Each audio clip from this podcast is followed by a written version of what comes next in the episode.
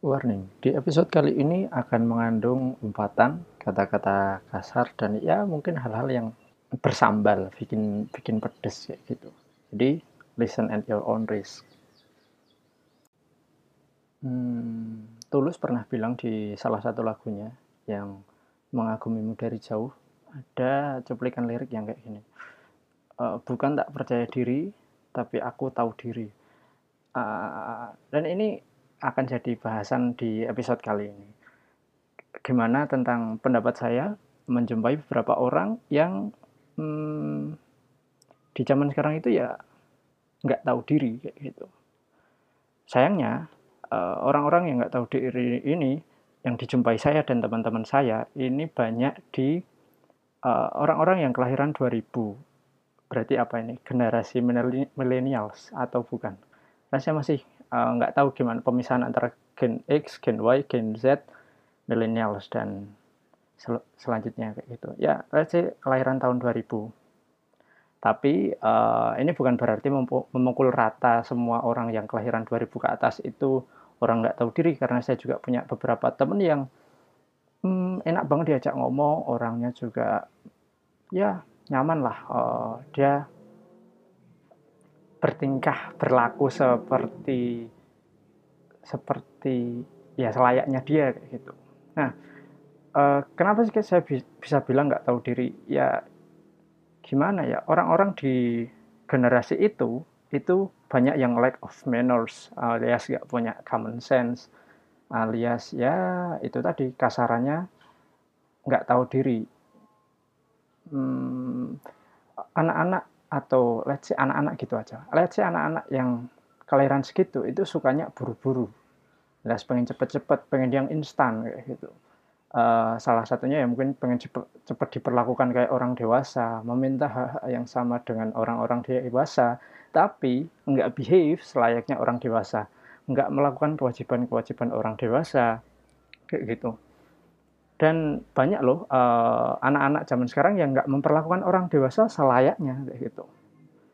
Uh, alias yo kalau misalnya dulu kalau ketika saya saya zaman kecil sih namanya nggak punya sopan santun kayak gitu ya. Baik ke orang dewasa maupun yang bukan orang dewasa. Mungkin ini familiar lah di sekitar kita. Gimana banyak kasus-kasus di sekitar kita yang melibatkan anak kecil uh, terus orang dewasa itu dan yang jadi korbannya itu justru bukan si anak kecilnya. Banyak juga yang jadi korban anak orang dewasanya. Kayak misal kemarin ada kasus pembakaran rumah eh, sama seorang anak di di mana ya? Di Jawa Timur? Ya itulah. Karena memang si anak kecil ini nggak punya uang buat top up game terus akhirnya dia nyolong uang tetangganya. Terus kok uh, long story short jadi malah bakar rumah tetangganya itu kasurnya terbakar dan malah setengah bangunan rumahnya sampai ambruk Terus juga beberapa waktu yang lalu saya sempat cerita sama teman saya, teman saya ini bilang saudaranya ini dulu tahun ini sih, bukan dulu ya. Tahun ini dikasih uang sama uh, kakeknya untuk beli baju lah, beli baju kayak gitu untuk lebaran kan. Dikasihlah bleng 750 ribu. Sehingga cerita ini ini anak di, diperhatikan kok anu nggak ada baju barunya kayak gitu. Uangnya ke mana? Ditanya ditanya ditanya ditanya nggak nggak mau ngaku nih. Akhirnya uh, dilihat dicek dompetnya. Ternyata uang itu tinggal 250 ribu. Terus di diinterogasi lah di sekeluarga kayak gitu kan. Uh, dan si anak ini justru bukannya merasa bersalah malah dia kayak saya tahu menengok uh, aku tak ngomong kayak gitu. Jadi kayak merasa uh, dia ini nggak salah merasa benar kayak gitu kan. Dan nggak memperlakukan orang-orang dewasa dengan flightnya tadi. Terus ternyata uh, uang 750 ribu itu 500-nya dipakai untuk beli akun game, nggak tahu game apa, nggak didisclose sama teman saya, dan untuk top up top up ngetop upin temennya gitu. Uh, dan juga sebenarnya masih banyak kasus lainnya kayak kemarin juga ada kasus Indomaret yang top up 800 ribu dan sebagainya gitu gitu yang nggak tahu. Uh, anak-anak zaman sekarang itu gimana ya? Ya saya juga zaman ketika saat itu juga kadang nggak tahu diri sih. Ya ketika uh, diajak ngomong ya kadang nyolot kayak gitu. Tapi kayaknya semakin ke sini itu semakin parah. Nggak mungkin nggak jarang loh di sekitar kita ini ketika ke apalagi let's say uh, keluarga terdekat kita lah diajak ngomong baik-baik malah nyolot sekalinya kitanya nyolot malah mencak-mencak kayak orang kesurupan make a scene drama drama queen kayak gitu dan nanti akan berakhir pada satu kalimat klise yaitu uh, kalau kamu mau saya respect kalau kamu mau saya hormati ya kamu hormati saya dulu kalau kamu nggak respect sama saya, saya nggak akan respect sama kamu. Halo, kamu itu siapa? Gitu kan. Kamu itu memangnya siapa? Nggak usah lah ngomongin respect-respect. Nggak usah lah ngomongin, uh, ya itu respect-respect kalau kamu belum memenuhi uh, hak-hak dan kewajibannya dulu. Misalnya, Manisa, uh, kenapa sih ini perlu? Karena gini loh, uh, tahuan diri ini itu orang yang nggak tahu diri itu seringnya nggak tahu kalau dia nggak tahu diri gitu. Jadi merasa dia ya benar gitu kan. Nah, eh, orang-orang yang nggak tahu diri ini perlu disadarkan bahwa yo sebelum kita bicara hak-hak, kita yo harus ngomongin dulu nih kewajiban-kewajibannya karena ini bisa berlayar sampai dewasa. Ini sering saya jumpai kayak dan mungkin kalau teman-teman di Twitter sering yang mantengin HRD bacot banyak sih orang-orang yang nggak yang background pengalamannya itu PNG alias nggak ada backgroundnya terus tiba-tiba kok minta pekerjaan yang wah pekerjaannya enak gajinya besar banyak bonusnya banyak fasilitasnya gitu ini kan orang nggak tahu diri gitu loh. Kecuali kalau misalnya kamu punya pengalaman yang lima tahun uh, kamu pernah jadi ini pernah jadi itu kamu boleh minta fasilitas. Lah kamu itu siapa? Kamu itu fresh graduate zaman kuliah nggak pernah punya pengalaman magang lomba dan sebagainya. Uh, mahasiswa biasa. Cuma berbekal dari saya berangkat dari kampus yang uh, akreditasinya bagus terus kamu minta gaji yang besar gitu. Ini juga ketika dulu saya waktu jadi apa ya hmm, rekrutmen manager ya saya ter terlibat dalam proses rekrutmen di Kulina dulu uh, sering ketemu talent-talent yang baru selesai lulus dari bootcamp nih uh, orang yang nggak punya pengalaman IT baru selesai dari bootcamp dia langsung minta minta gaji tertinggi gitu. Ketika ditanya, ya saya layak gitu. Saya saya layak dapat gaji tertinggi. Jadi let's say uh, range gajinya kulina itu 5 sampai 7 juta gitu ya. Dia itu minta 7 juta. Halo, kamu itu siapa? Fresh graduate, udahlah nggak punya background, kamu cuma menang bootcamp, codingan juga nggak bagus-bagus amat, minta 7 juta.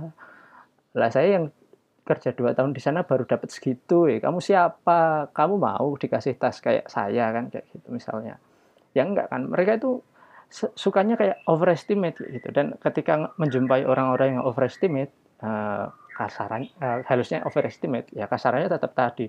Nggak tahu diri nggak sadar diri. Itu ya jawaban saya cuma satu ditolak. Orang-orang kayak gitu tuh ya. Apalagi kalau interviewnya dia sok-sokan kayak gitu. Pasti langsung saya tolak. Saya nggak mau punya teman yang uh, nggak bisa menempatkan dirinya kayak gitu. Karena yang kayak gini itu biasanya nanti dia akan demanding gitu. Demand pokoknya dia merasa berhak gitu ini ini maksudnya gini loh uh, kalau misalnya kita ngomongin pekerjaan ya kecuali kamu itu nggak dikasih hak-hakmu sebagai pekerja gajimu di bawah UMR jauh di bawah UMR lah udah nggak dapat fasilitas apa-apa lembur juga nggak dapat insentif kau minta hak itu uh, layak, pantas gitu loh, itu hakmu untuk memin demand. Tapi ketika kamu kok gajinya juga di perusahaan itu di atas UMR, di atas rata-rata perusahaan pada umumnya. Terus ya fasilitasnya juga terpenuhi. Kamu nggak punya background diterima, itu tuh adalah bentuk respect perusahaan kepada kamu.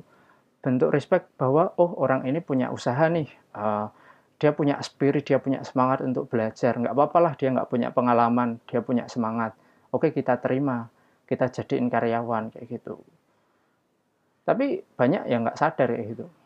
Merasa bahwa yo yo kamu menerima saya berarti karena saya uh, saya uh saya ini layak banget ya itu. Sebenarnya mungkin enggak ya kalau misalnya kita bicara fresh graduate, enggak semua orang fresh graduate itu diterima karena skillnya. Tapi diterima karena oh ini orang nggak bisa tapi dia punya semangat untuk belajar nggak apa-apa lah kita terima. Nanti kita ajarin biar bisa gitu. Itu kita ngomongin kerjaan. Kembali ketika kita secara umum di sosial ya orang-orang yang nggak tahu diri ini kecuali kalau kamu uh, nggak diperlakukan selayaknya manusia bangun tidur dipukulin siang-siang dipukulin nggak dikasih makan disuruh kerja rodi gitu. Itu kamu boleh minta hak-hak. Tapi kalau misalnya kamu udah uh, kamu sebagai misalnya part of family anggota keluarga kamu udah dikasih rumah untuk tinggal dikasih makan dikasih uh, santunan apa? Sanggung kayak gitu.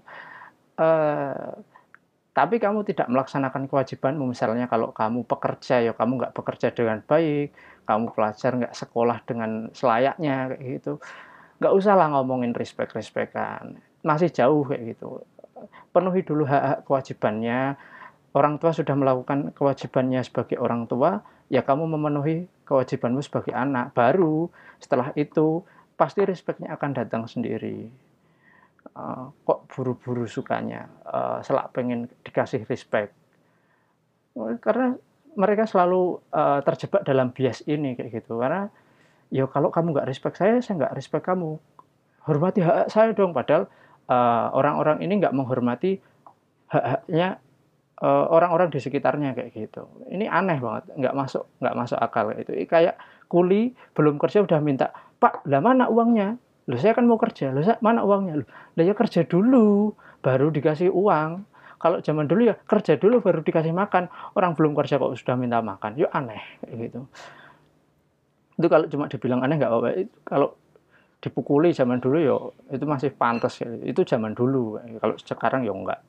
Nah, itu. Nah, makanya satu hal yang selalu saya tanamkan ketika saya berada di tempat baru atau ya di tempat mana pun itu saya selalu bilang e, saya harus tahu diri nih. Saya harus tahu diri.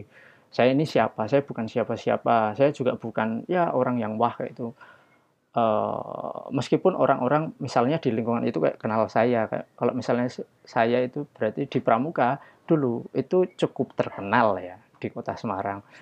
Tapi yo ya saya tahu diri. Di mana pun itu saya itu terkenal di misalnya di sekolah saya aja. Meskipun orang lo, di luar kenal saya saya itu bukan siapa-siapa di luar gitu ketika uh, saya berada di luar ya saya harus bertindak selayak selayaknya saya kayak gitu. Kalau misalnya ada peribahasa bahasa Inggris itu uh, when you're in Rome act like a Romanian. Ketika kamu di Roma ya berlakulah seperti orang Romawi kayak gitu. Ya ketika di luar sana ya behave gitu menyesuaikan diri. Jangan kok uh, merasa pengen ya aku gini kamu harus menyesuaikan halo kamu itu siapa? Sekali lagi kamu itu bukan siapa-siapa kecuali kamu presiden kamu yang punya tanah kayak gitu. Lah kamu itu cuma kerikil tahu diri. Itu saya, saya selalu bilang itu kepada diri saya. Apakah berhasil? Ya enggak. Kadang ya saya enggak tahu diri juga kadang. Tapi at saya selalu menanamkan bahwa tahu diri. Karena dengan tahu diri ini kita bisa menempatkan diri. Kita bisa uh, menempatkan diri di lingkungan sehingga yo kita ini bisa diterima di lingkungan. Diterima ini nggak harus melulu tentang punya banyak teman punya banyak relasi di lingkungan itu. Tapi diterima itu at least tidak akan menimbulkan konflik dan nggak akan mengganggu komponen masyarakat di lingkungan tersebut ya gitu Nah, percuma kalau punya banyak teman, ternyata kok mengganggu uh, ketentraman sekitar, gitu. Enggak, itu namanya bukan menempatkan diri, itu maunya menang sendiri, egois itu namanya, selfish, gitu. Uh, apalagi ya ngomongin tahu diri memang kayaknya seru banget. uh, terus, hmm, ya mungkin saya juga kalau misalnya orang yang kenal saya dulu mungkin uh, menepisnya adalah begini. Alas kamu juga dulu begitu kan? Kamu juga dulu nggak tahu diri. Lah iya karena saya dulu nggak tahu diri dan sekarang saya tahu dulu saya nggak tahu diri saya nggak pengen orang-orang itu uh, yang misalnya di generasi di bawah saya itu nggak tahu diri juga gitu loh. Karena jadi orang yang nggak tahu diri itu nggak enak loh eh, uh, disukai orang gitu. Terus di mana-mana jadinya uh, dikenal bermasalah. Padahal yo mungkin kita nggak bermasalah kayak gitu. Atau mungkin kita cuma bikin masalah sekali terus tapi diingat-ingat. Nah makanya eh, ini juga berhubungan dengan ketika kita ngomongin orang terus orangnya menepis kamu juga dulu gitu. Nah karena dulu itu nggak tahu kalau itu salah sekarang tahu itu salah makanya kita kan ngasih tahu ke orang-orang di bawah kita supaya nggak nggak berlaku seperti itu. Ya beberapa mungkin diterima beberapa mungkin juga ya it's their decision kayak gitu. Jadi yo apa ya? Ya tahu dirilah kayak gitu. Karena demi demi uh, kesejahteraan ketentramanmu juga ketentraman teman-teman juga ya at least tahu dirilah kayak gitu. Dan juga mungkin teman-teman saya yang dengerin podcast ini dan tahu kalau saya uh, atau notice ada saya nggak tahu diri ya let me know supaya saya bisa adjust. Gimana saya harus behave di uh, kepada teman-teman kayak gitu. Ya, karena nggak enak sih punya apa kita berrelasi tapi kok ternyata di dalamnya perang dingin kayak gitu. Ada sifat-sifat gak suka itu nggak enak banget. Jadi let me know kalau misalnya saya juga nggak tahu diri uh, kalau atau juga hak-hak teman-teman yang dengerin ini yang kenal saya mungkin belum terpenuhi just let me know. Tapi jangan minta hak dinafkahi ya. Kamu itu siapa? Tahu diri kamu. Nggak nggak nggak, nggak. oke okay, anyway itu uh, episode kali ini mungkin juga sama nggak uh, nggak terlalu tertata karena memang semi no script ini. Jadi karena kebetulan idenya muncul terus gatal pengen diomongin ketemu studi case-nya. Nah ya wes akhirnya uh, ya wes lah dibikin episode ini. Anyway selamat hari raya Fitri alias selamat Idul Fitri. Uh, Semoga amal kita di bulan Ramadan diterima, terus juga semoga kebaikan-kebaikan di bulan Ramadan bisa kita teruskan di bulan-bulan selanjutnya. Sampai kita ketemu di bulan Ramadan yang akan datang. Mohon maaf lahir dan batin. Uh, selamat menikmati sisa-sisa liburan. Have a great day.